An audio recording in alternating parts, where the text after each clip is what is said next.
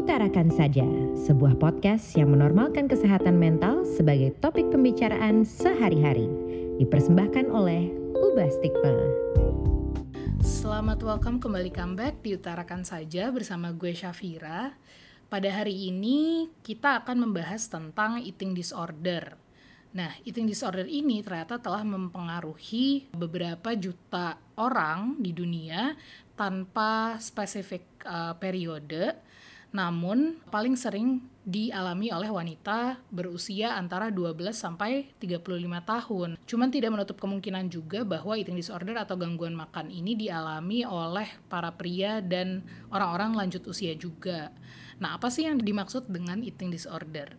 Eating disorder atau juga gangguan makan ini adalah serangkaian gangguan psikologis yang menyebabkan berkembangnya kebiasaan makan yang tidak sehat mulai dari obsesi dengan makanan, berat badan, ataupun bentuk tubuh.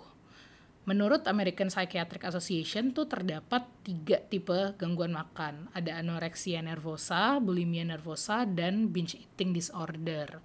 Nah, pada episode kali ini kita bakal membahas tentang bulimia nervosa seperti apa sih bulimia nervosa itu, bagaimana itu menjadi gangguan psikologis dan sebagainya. Tentunya gue tidak akan membahas ini sendirian. Hari ini gue ditemani salah satu sebetulnya anggota Ubah Stigma juga. Jadi tanpa berlama-lama lagi, let's welcome Zevanya. Hi Zev. Hello Chef. Hi. So before we begin, please introduce yourself to everybody. Jadi gue Zevanya baru gabung sama Ubah Stigma like three years, eh three months ago as secretary and yeah baru for good juga ke Indonesia like end of last year. So yeah it's been fun. Oke, okay. so the madam secretary guys, ini yang mengurus segala administrasi dan operasional Ubah Stigma selama tiga bulan terakhir. Welcome to the team and also welcome to the podcast.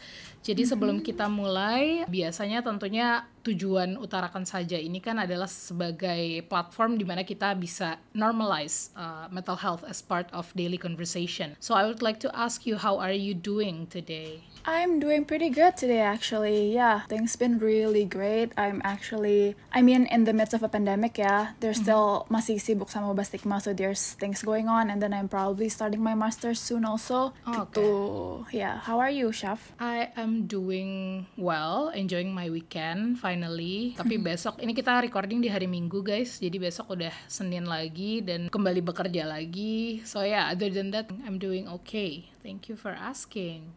So, our discussion today akan membahas tentang bulimia nervosa. Nah, kebetulan Zevanya ini adalah salah satu penyintas bulimia nervosa. Boleh nggak share sama kita what is bulimia nervosa dan gimana sih going through that bulimia nervosa? Jadi tadi kayak yang udah Chef bilang, bulimia nervosa itu one of the eating disorders uh, which is a mental mental health issue ya. Tapi bulimia itu bedanya sama eating disorder atau gangguan makan lainnya adalah di signify sama ada yang namanya dua episode namanya satu binging episode satu lagi purging episode. Nah kalau orang-orang kan mikirnya kalau orang bulimia itu purging episodenya cuma muntah aja dimuntahin makanannya habis makan. Tapi it's actually not only that jadi sebenarnya ada juga yang abuse exercise ada juga yang abuse laxative ada juga yang fast berminggu-minggu nggak makan. Dan juga binge-nya itu bukan sekedar orang kalau kan sekarang kita sering denger ya orang bilang kayak aduh gue habis binge nih makan pizza gitu. Itu it's actually different. Binge-nya itu it's not overeating, it's more of an emotional binge juga. Ada sisi emosinya juga, bukan hanya secara fisik kita binge. Jadi ya kira-kira begitu. Oke, ada binging and purging. Binging yes. berarti lebih ke apa ya bisa disimplify sebagai kayak makan dalam jumlah besar selama yes. periode tertentu sementara purging uh. tuh menghilangkan si makanan yang udah dikonsumsi yeah. ini gitu ya. Oke, mm -hmm.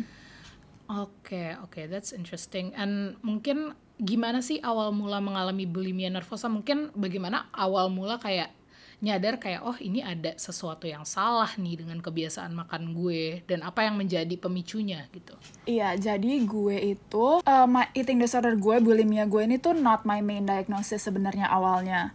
Okay. Tapi emang dan dan sebenarnya in most people eating disorder tuh biasanya accompanied with other mental health issues kayak misalnya depression, general itu depression or anxiety eating disorder gue ini more of a negative coping mechanism towards my depression. Tapi awal-awalnya banget nih, dulu kan lagi heboh-hebohnya tuh apa namanya keto diet. Dulu tuh gue ikut keto diet, tapi my main goal wasn't to lose weight. It wasn't that at all. It was just pengen aja gitu keto diet. I wanna control something. Dan one background personality yang gue punya itu tuh gue suka banget kontrol. I crave control. Gue suka tahu what happened, what is happening, and what will happen. Sebenarnya kalau mau dijabarin banget nih kenapa gue bisa kena bulimia ini tuh sebenarnya ada panjang tapi uh, long story short jadi tuh gue pas 2019 I went through a series events yang it was unfortunate lah. Jadi kayak and the peak of it was um, actually abuse. It was physical abuse by like my a close friend of mine. Jadi yang pertama gue didiagnosa itu sebenarnya bukan bulimia like I said, it was um, trauma and depression. And then when you're depressed, what at least what I feel personally feel itu tuh kalau lu depressed tuh you lose any control of everything kayak lu nggak bisa kontrol apa pun gitu kan. Like you're in a dark place, you can't handle anything, you can't direct anything gitu kan. Nah tadi going back to the personality I have, uh, yang me craving control jadi tuh gue mencari-cari banget apa yang bisa gue kontrol gitu kan nah jadinya apa sih yang paling gampang nih yang bisa gue kontrol saat ini? Jadi ujung-ujungnya gue kontrol makanan gue. Nah kontrol itu bukan sekedar orang kayak oh gue cuma mau makan tiga kali sehari atau gue cuma mau makan dua kali sehari. It's more of like sampai makro makronya sampai kalori kalorinya itu tuh gue hitungin to the smallest decimal point tuh gue hitungin. Dan jadinya mengkontrolin itu nggak sehat gitu kan. Jadinya gue tuh bener-bener kalau misalnya gue udah kelebihan 0,00001 pun itu gue langsung merasa kalau gue gagal gue kehilangan kontrol dan ujung-ujungnya jadi binge. And binging always is followed by guilt dan ujung-ujungnya lu jadi purge. And that's the never ending cycle. With that mindset itu never ending cycle-nya. Dan ujung-ujungnya jadi after a period of time jadi didiagnosa sama bulimia nervosa jadi gitu Oh, oke, that's interesting. Jadi sebenarnya it's a cycle ya, bahkan bukan kayak not a one time, not a periodical situation aja ya. It's an ongoing thing gitu. Jadi ketika tadi lo bilang Yeah. apa lewat dikit aja langsung ada ada cycle yang terbentuk tuh ke binging dulu, ke purging dan nanti seterusnya akan begitu lagi gitu ya. Is that Iya, correct? iya. Oh, oke. And how long? Yes. Uh, berapa lama waktu itu going through that? Eh, dulu tuh gue mulai tuh 2019 kayak awal-awal 2019 and then uh, I guess sampai awal no sampai ak- mid mid 2020 itu masih sih so it's very still very very fresh and very recent sih Hmm, oke, oke. Dan di mana momen atau titik ketika lo menyadari kayak, oh oke, this is it. I think I need to seek a professional help. Gue udah nggak bener nih kayak gini gitu. Kapan tuh? And what was it like? Ya itu tuh juga Jadi ini posisinya gue tuh dulu lagi di US Gue masih sekolah di US sendiri Tuh then again dulu tuh gue pertama kali Like I said Gue pertama kali pergi ke psikolog itu tuh Bukan karena gue sadar kalau gue eh, gangguan makan Ataupun and even not because I thought I was physically abused I didn't know that it was physical abuse. Um, gue tuh ke sana gara-gara pertama tuh reaksi gue terhadap orang yang abuse gue. Waktu itu tuh after a series of abuse, gue reaksinya gue physically nampar dia lah, nampar temen gue ini kan. And gue tuh datang ke psikolog di sekolah itu gara-gara gue takut sama reaksi gue. I was scared that I had that capability buat kasarin orang secara fisik. Hmm, oke. And when I came to like the counseling services di di sekolah gue itu, barulah dikasih tahu tuh ke gue what you went through was physical abuse dan it, it was very shocking kan. And then mulailah yang namanya trauma healing dan lain-lain semuanya kebongkar dan mulai tuh dikupas satu-satu depression gue kebuka. I shifted from one coping mechanism to another dan ujung-ujungnya baru ke yang makan ini. Nah pada saat gue ada di melakukan coping mechanism yang bulimic behaviors ini, gue di refer atau gue harus ketemu sama uh, a nutritionist. Jadi itu pertama kan gue ke psikolog, habis itu ke psikiater, and then I went to um, a nutritionist. Nah approach-nya itu tuh dulu pakai yang namanya uh, intuitive eating, which I think is really really helpful. Jadi tuh karena people with eating disorders they see food differently kan, they our relationship with food itu tuh um, destroyed. I don't wanna say it's toxic, but it's very bad. Orang ngeliat makanan hanya makanan. Kalau kita ngeliat makanan tuh it's a series of numbers that we can practically memorize gitu kan. So we're jadi intuitive eating is trying to heal that relationship with food and I guess it's really for me it's really helpful at least. Hmm. Berarti yang uh, terakhir uh, dari series mental health issues gitu, terakhir mengtreat si uh, bulimia ini adalah menggunakan intuitive eating berarti gitu ya. Yes. Dan itu berarti sejak melakukan intuitive eating ini hingga saat ini how are you doing now? Gimana kondisi sekarang? Uh, I'm doing pretty good actually. Yeah. How's your relationship with food now? I'm pretty good. I mean, it's a recovery journey kan. It's never, mm-hmm. it's never really linear. Yeah. Kayak some good days, some bad days. Tapi now, fortunately, banyakan better days. Tapi the thing is, our society kan sangat apa ya? Diet culture in our society is very, very thick, very, mm. very ingrained in our society ya. Mm. And then it really contradicts intuitive eating. Di mana intuitive eating tuh there's no label of good and bad food. You just follow what your body needs and your what your body wants. Jadi think of a fragile someone who's fragile towards comments yang masih in recovery. Mereka dive back into the world where society is really very stigmatized towards weight. Jadi tuh that's the hard part sih. But then for the most part, I can navigate it so much better. Looking back, mm-hmm. I'm in a way better place. Eh. It's very happy for you. Well done. Thank you. And by the way, kita kita tarik sedikit intuitive eating nih. Mungkin dari teman-teman banyak yang belum tahu. Can you explain a bit about intuitive eating? Jadi intuitive eating itu basically a practice or like a way of eating. Jadi ada sebenarnya tuh ada 10 principles of intuitive eating. I don't exactly remember each one of them, tapi intinya we don't label food as good or bad and we don't limit ourselves to what we eat or what we can't eat. Jadi we can eat what we want and we don't eat what we, what we don't want. And nanti uh, ujung-ujungnya balik lagi kayak pas kita bayi. Kalau kita bayi kan kalau kita lapar kita nangis kita hmm. dikasih makan dan kita diam jadi tuh kayak gitu we don't focus on external factors. Orang kan sekarang banyak yang bilang makanan ini gak sehat makanan itu lebih bagus. Kita tapi kita dengerin badan kita sendiri nih. Kita badan kita pengennya apa sih pada saat itu? Hmm. and it's actually really hard to listen to what you want sebenarnya. And hmm. and but when you do listen you satisfy yourself so much better. Cause what you need and what you want tuh bener-bener satisfied. Kalau dulu kan it's more of us satisfying what other people say kan Hmm. Yeah, so it's like that. Dan gimana gambarannya nih dulu ketika sebelum uh, you implement this intuitive eating kan tadi lo bilang lo ngelihat semuanya tuh dengan numbers. Is it more like kalau ngelihat makanan tuh fokus ke kalorinya, fat kontennya, protein konten gitu-gitu? Is it what you mean by focusing on the numbers? Iya, jadi tuh dulu gue hafal gitu. Misalnya roti tuh karbohidratnya tuh berapa gram sih? Fatnya berapa gram? Proteinnya berapa gram? Berapa kalorinya? Pisang? Semuanya tuh gue hafal gitu. Jadi kalau misalnya gue dikasih makanan di depan gue gue bisa just mentally calculate itu tuh porsinya ini, ini berapa? Total yang masuk ke badan gue which is very it takes so much brain space kan if you think of it. Yeah. oh, itu kayak a built-in fitness pal Iya. Di, di built in di otak lo gitu ya berarti. Iya. Wow. And what was the reaction dari orang-orang sekitar lo pada saat itu? Honestly, mereka shock sih, cause orang-orang tuh ngelihat gue cara gue makan karena dulu gue keto kan orang lihat gue tuh hmm. cara makan gue tuh bener-bener very apa ya very terstruktur very very put together lah gue makan tuh selalu makan makanan gue tuh sangat terkontrol mereka shock karena pas mereka tahu sebenarnya tuh that's very disordered gitu. Pas mereka pas gue tahu oh sebenarnya gue gini loh. Mereka tuh yang kayak one they're shocked. Two they don't know how to respond. It's not talk about enough that hmm. sampai orang-orang di sekitar kita tuh nggak tahu kalau misalnya orang punya eating disorder tuh harus bilang apa sih gitu. Tuh orang kayak nggak tahu gitu jadi apakah ketika lo mengalami itu orang-orang di sekitar lo cenderung lebih kayak diem atau kayak they try to help you atau gimana?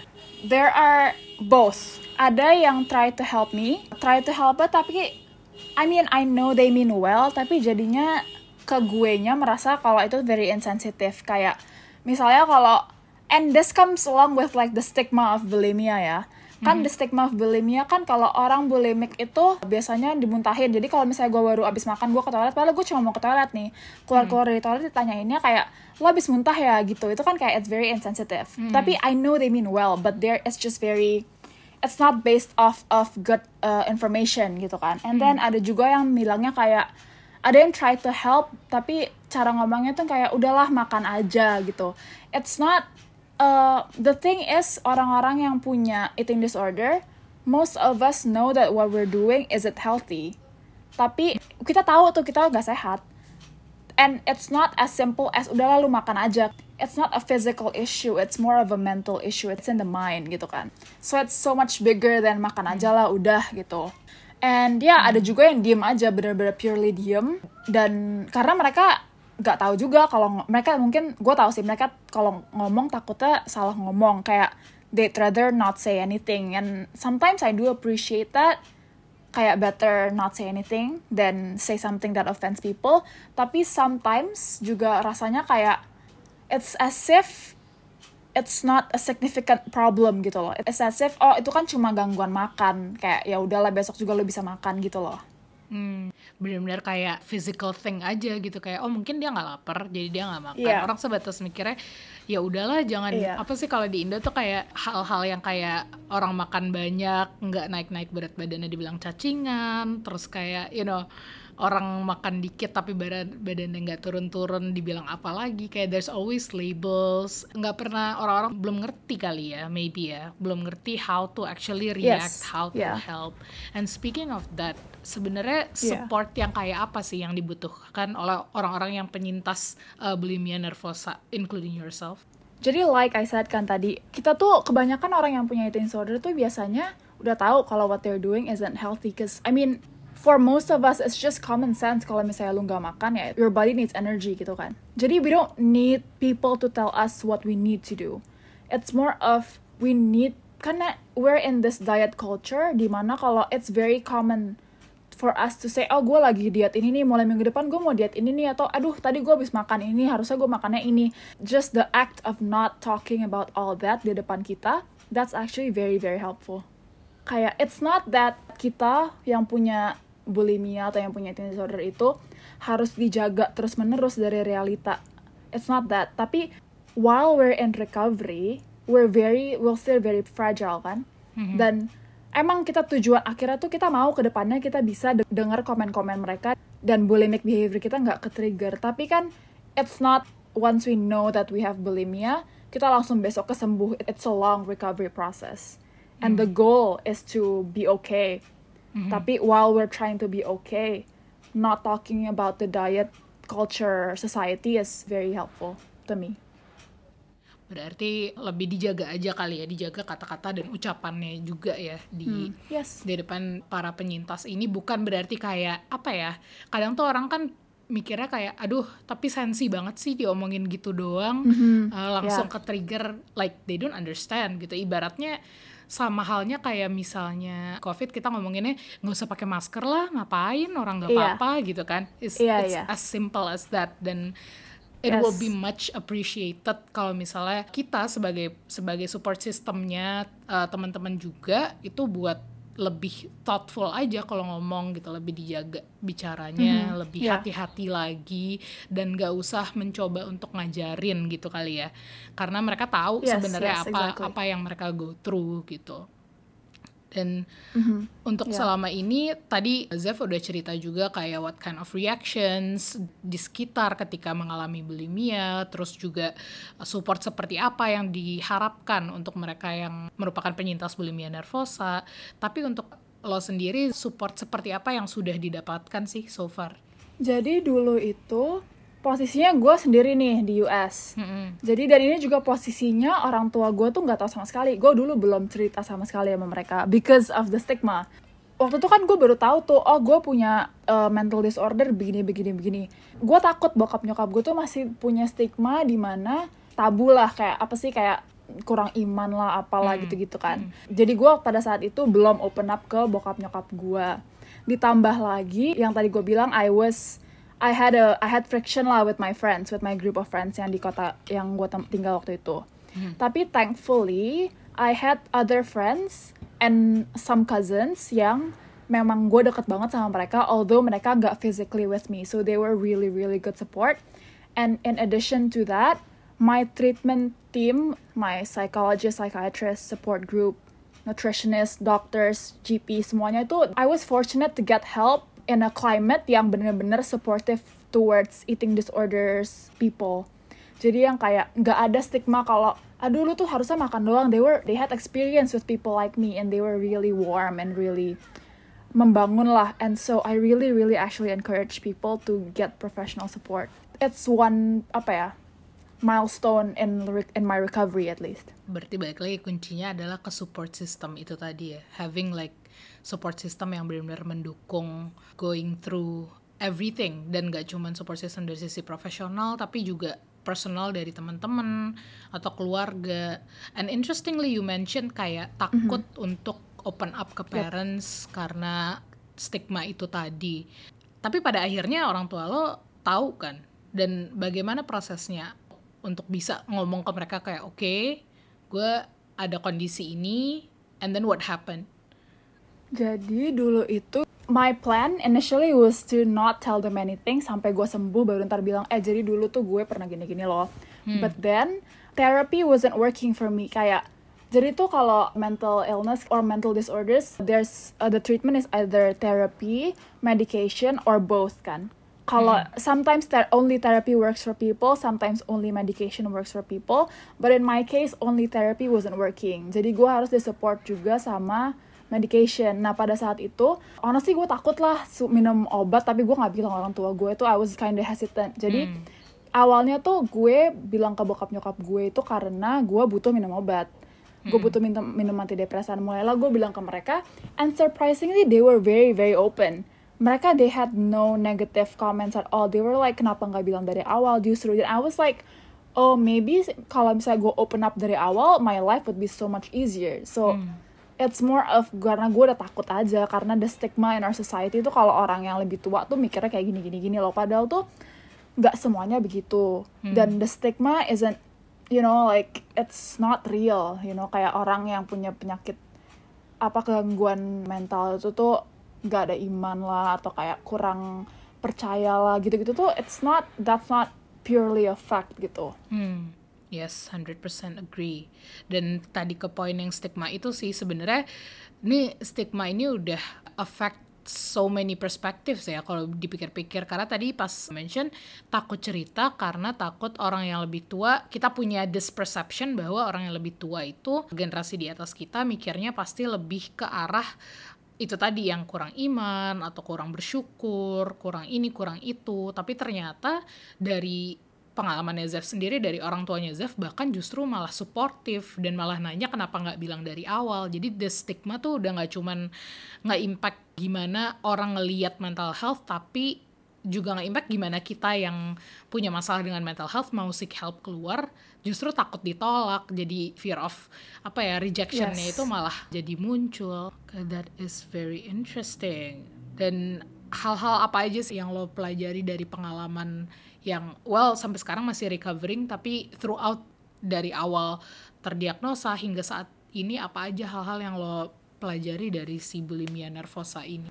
I mean this might sound really aneh tapi hmm. I am very grateful gone through all of those experiences in the past. Hmm karena honestly gue tuh bela jadi belajar banget tentang diri gue dan tentang maybe even life in general tapi if you ask me what's the most significant learnings I get itu probably self forgiveness self compassion mm. yep. and resilience jadi tuh dulu tuh I was a very apa ya there's this thing called the black and white thinker kan. I was mm. hardcore black and white thinker. Gue tuh nggak tahu di tengah-tengah tuh ada yang namanya gray area. I didn't know that you can be good enough without being perfect. Mm. And throughout this recovery process, gue tuh bener-bener disadarin kalau this process, this path, itu tuh bakal banyak banget slip upsnya. You're not gonna always grow positively linearly gitu kan. And bisa, jadi tuh misalnya bisa aja nih gue udah nggak binge and purge for uh, I don't know five months. And then tiba-tiba ada satu hal bisa besar bisa kecil yang trigger binge episode gue lagi. And from that gue tuh bener-bener belajar to apa ya slip ups are okay. I need to be able to forgive myself show some compassion and then keep growing and that to me is being mentally resilient jadi now I'm really striving to be apa ya resilient and not perfect Nice. Iya, jadi kan terus hmm. terus orang tuh kadang ya kalau nggak denger kata resilient yang mereka pikir kan kayak orang yang tangguh atau yang kayak kalau misalnya kena bencana atau musibah apa tetap teguh kuat gitu kan. Tapi I guess for me personally you cannot have resilience without being able to be self compassionate, forgive yourself. Karena kan with the ability to forgive yourself, you are are then enabling yourself buat bisa move on, move past that slip and then lanjut lagi. And that's isn't that the definition of resilience ya kan? Hmm. Kayak to come back from downfalls. Jadi ya gitu. 100% agree. Gila, preach. Hashtag preach. Setuju banget kayak it's not about apa ya, bukan kayak lo jadi benteng gitu loh, bukan lo kayak dikasih masalah apa aja tuh lo nggak jatuh gitu kayak kokoh aja gitu tuh enggak Iya. resilience is about kayak lo jatuh mau bangun lagi apa enggak nih and the apa ya the the power the strength untuk bangun lagi tuh nggak banyak orang yang juga mau go through that kan. Mereka mikirnya kayak ah ya udah gue I'm just a failure gitu. Gue nggak bisa Yes. ngerjain ini. Padahal itu tadi bener banget kayak kita nggak bisa ngeliatnya tuh black and white aja. Nggak bisa kayak all or nothing. Pasti ada Yes. ada gray area itu. Definitely Yes, agree exactly. with you. Karena gue gue personally juga sama apa maksudnya sering self doubt sering kayak being hard on myself. Karena gue ngerasa kayak I'm a failure I'm not a, I'm not good enough and all that. Padahal ya udah kita coba lagi besok masih bisa kok. Ya udah bangun Yep. lagi aja. We, we'll do better next time. Tapi udah tahu kan nih eh, apa pas kemarin jatuh kenapa nih apa nih yang menyebabkan kegagalan quote unquote kegagalan ini? Terus apa yang kita bisa improve di nextnya supaya bisa lebih baik? Sesimpel itu sebenarnya walaupun sebenarnya ya easier said than done tapi konsepnya bukan berarti lo harus jadi benteng terus lo dikasih diterjang tsunami lo tetap berdiri ya enggak juga. Sometimes ya ya kita pasti jatuh lah ada lowest point in life cuman it's all about getting back up so yeah Exactly. Yeah. So I think last thing I wanna ask you is about ada nggak kira-kira saran untuk mereka yang masih apa ya melalui proses recovery dari bulimia nervosa atau mungkin ada pesan nggak yang Zef mau sampaikan nih ke teman-teman sesama penyintas? Mungkin first of all, I want you all to know that apa pun yang lo rasain itu tuh it's valid. Karena banyak banget orang yang sebenarnya komen bilang kayak aduh udah deh gue usah cari perhatian atau kayak hal-hal yang very petty menurut gue when all feelings are valid and what you're feeling right now going through I don't know the eating disorder the bulimia that you're going through itu tuh it's all it's very valid. And then do talk to someone maybe if you don't have access to professionals atau kayak memang takut buat mulai ngomong ke professionals talk to someone you're comfortable with. Karena kalau misalnya lo pendam sendiri nih you'll get lonely and it's so much harder to recover. Kalau misalnya kayak lo tuh apa ya you're trying to do everything yourself when there's other people that will actually be willing to help you gitu kan. And lastly, yang paling penting is to know that apa ya, recovery is possible. It's very possible. And when you're in recovery, make peace with the situation gitu. Make peace with what you're dealing with. Do not fight it. I mean, fight to get better. Yeah, fight to be better. Tapi don't fight that you are bulimic gitu.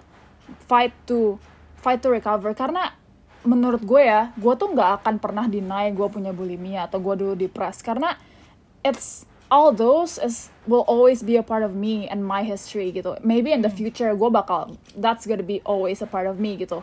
And but but I'm trying to not make that as something that define me. That's the difference kan. Knowing that it's a part of you or if that's you. Itu Yeah. menurut gue that's something that you have to really understand. Yes, deep, but yes, very agree. Tadi ada tiga, berarti yang pertama itu adalah untuk mengetahui bahwa perasaan kalian itu valid dan apa yang kalian rasakan tuh ya ya valid, jangan jangan mendinai itu semua. Terus yang kedua adalah cerita sama orang lain dan sebenarnya tidak menutup kemungkinan kalau misalnya kalian ada sarana lain untuk mengekspresikan emosi kalian itu atau perasaan kalian itu mungkin bisa dari I don't know seni atau apa atau mungkin menulis. Ada orang-orang yang cara sharingnya kan berbeda-beda but go ahead share your story. Yang ketiga tadi ada acceptance menerima bahwa situasi itu terjadi gangguan itu terjadi. Yang paling paling penting tadi yang Zef bilang adalah menerima bahwa itu adalah bagian dari kalian tapi bukan hal yang mendefinisikan diri kalian itu adalah sebagai apa ya bisa dibilang si gangguan mental ini. It's just part of you. It's not who you are. Bener gak? Yes, exactly. so yeah. So I think itu adalah bagian terakhir untuk menutup diskusi kita hari ini. I would like to say thank you to Zef for sharing, for opening up and benar-benar menjelaskan bagaimana pengalamannya sebagai penyintas bulimia nervosa. Truly appreciate it. Very Thanks for appreciate having you. me. Thank you, thank you for being here dan ngobrol-ngobrol beberapa menit terakhir kita jadi dapat insight nih apa sih sebenarnya bulimia nervosa, kenapa berbeda dari uh, eating disorder yang lain. Tadi juga apa namanya uh, Zaf menceritain dari awal uh, what triggers it to happen. Ternyata ada faktor kesehatan mental yang lain juga uh, yang selama ini gue pribadi hanya tahu bulimia ya bulimia, maksudnya eating disorder ya adalah satu hal yang satu gangguan kesehatan mental yang terjadi karena gangguan makan aja ternyata ada faktor-faktor lain juga. Terus eh, sampai gimana caranya dia akhirnya seek professional help apa aja stigma yang dilalui yang ternyata ada di kepala kita sendiri. Bahkan ternyata tadi orang tuanya Zef ternyata suportif tapi kitanya yang melihat gangguan mental masih stigmatized di sekarang jadi menganggapnya orang-orang yang di generasi atas kita nggak mau denger nih soal gangguan kesehatan mental. Jadi banyak banget yang gue pelajari hari ini. Again thank you so much. Dan satu hal yang gue sadari adalah another bukti bukti nyata lainnya bahwa stigma terhadap kesehatan mental itu betul-betul ada guys. Dan itu sangat mempengaruhi banyak hal nggak cuman tadi gimana orang ngelihat kesehatan mental itu sebagai hal yang tabu tapi nggak affect mereka yang berusaha going through that mental issues. Jadi mau cari support system tuh bingung karena mikirnya ini stigmatized gue nggak bisa open up gitu. Jadi mungkin sama-sama kita menjadi support system yang lebih baik eh, semudah dari mulai mendengarkan jaga jaga cara bicara kita. Tadi salah satu untuk support seperti apa yang diharapkan untuk orang-orang teman-teman kita dengan kondisi bulimia itu adalah untuk menjaga bicara kita menjauhkan topik-topik yang berbau tentang diet itu untuk dikurangi. Yang lama-lama juga harapannya they'll be okay with it in the long term tapi karena masih going through recovery so let's let's support them. Dan yang terakhir adalah jika kalian mau menceritakan pengalaman kalian mencari tempat yang aman untuk melakukan itu. Di sini utarakan saja maupun ubah stigma sangat terbuka. Kalian bisa tulis aja cerita kalian dikirimkan ke safe space kita fitur di newsletter ubah stigma atau mau main-main diutarakan saja ngobrol-ngobrol sama gue dan berbagi cerita kalian. Siapa tahu nggak cuman kita jadi platform untuk kalian berbagi cerita tapi teman-teman yang mendengarkan juga merasa mendapatkan support dan mereka tidak sendiri seperti itu. Thank you so much for listening untuk episode kali ini. Thank you again Zef udah main-main ke Utarakan saja. Hoping to have another episode with you mungkin sometime in the future. Other than that, I'll see you in the next episode. Bye.